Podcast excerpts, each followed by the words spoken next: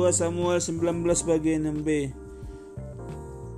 Melin juga ada seribu orang dari daerah Benyamin bersama dia. Adapun Jiba, hamba keluarga Saul dan kelima belas anaknya laki-laki serta kedua puluh budaknya bersama dia tergesa-gesa ke sungai Yordan lebih dahulu dari raja melintasi tempat penyeberangan untuk menyeberangkan keluarga raja dan melakukan apa yang dipandang baik.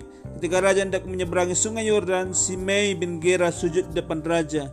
Ia berkata kepada raja, Janganlah tuanku memberitahukan kesalahanku Janganlah ingat kesalahanku yang hambamu ini lakukan pada hari Tuanku Raja keluar dari Yerusalem dan janganlah Raja menaruhnya dalam hati sebab hambamu ini tahu bahwa hamba telah berdosa. Lihatlah pada hari ini aku yang pertama datang dari seluruh keturunan Yusuf untuk menyusun tuanku raja.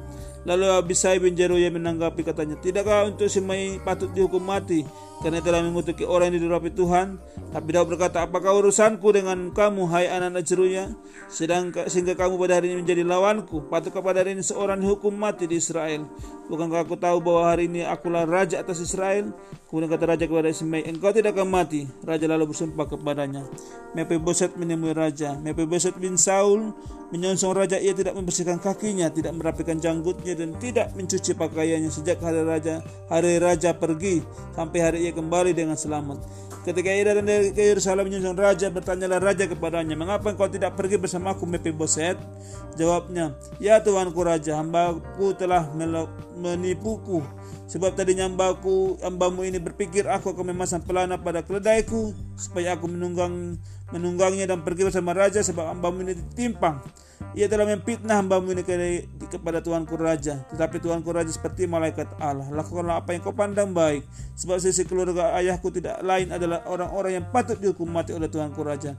Namun Tuanku telah menetapkan hambamu ini di antara orang-orang yang makan sehidangan dengan Tuanku. Hak apa lagi yang kumiliki untuk memohon kepada Raja? Raja berkata kepadanya, apa gunanya engkau membicarakan lagi perkaramu? Sudah kuputuskan, engkau dan jiwa harus berbagi ladang itu. Tapi kata Mephibosheth kepada raja, biarlah semua diambilnya, sebab tuanku raja sudah kembali dengan selamat. Barzilai ikut mengantar raja. Barzilai orang Gilead itu juga telah datang dari Regolim untuk menyeberangi sungai Yordan bersama-sama dan melepaskannya pergi sampai di sana.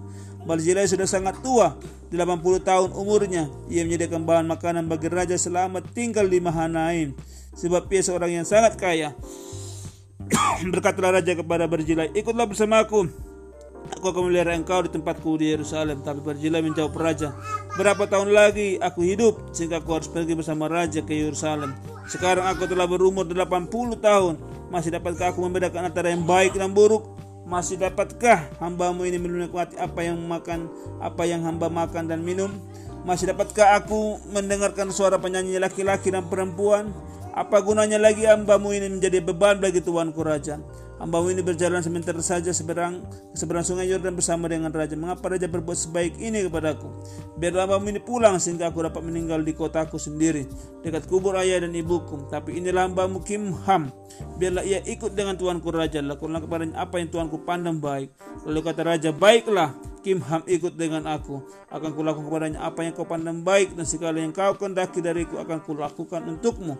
Kemudian seluruh rakyat menyeberangi sungai Yordan Raja juga menyeberangi menyeberang setelah mencium Barzilai dan berpamitan dengannya. Lalu Barzilai pulang ke tempat kediamannya.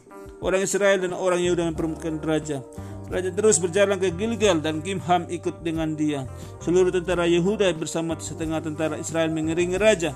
Tapi seluruh orang Israel datang kepada raja dan berkata kepadanya, Mengapa saudara-saudaraku kami, orang Yehuda melarikan raja dan membawa dia menyeberangi sungai Yordan dengan keluarganya dan semua orang Daud menyertai dia.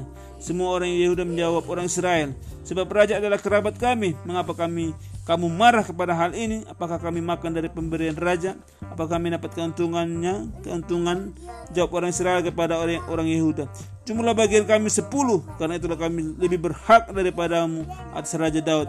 Mengapa kamu memperemehkan kami? Bukan kami yang pertama-tama yang mengusulkan untuk membawa raja kembali, tapi perkataan orang Yehuda lebih keras daripada perkataan orang Israel. Amin.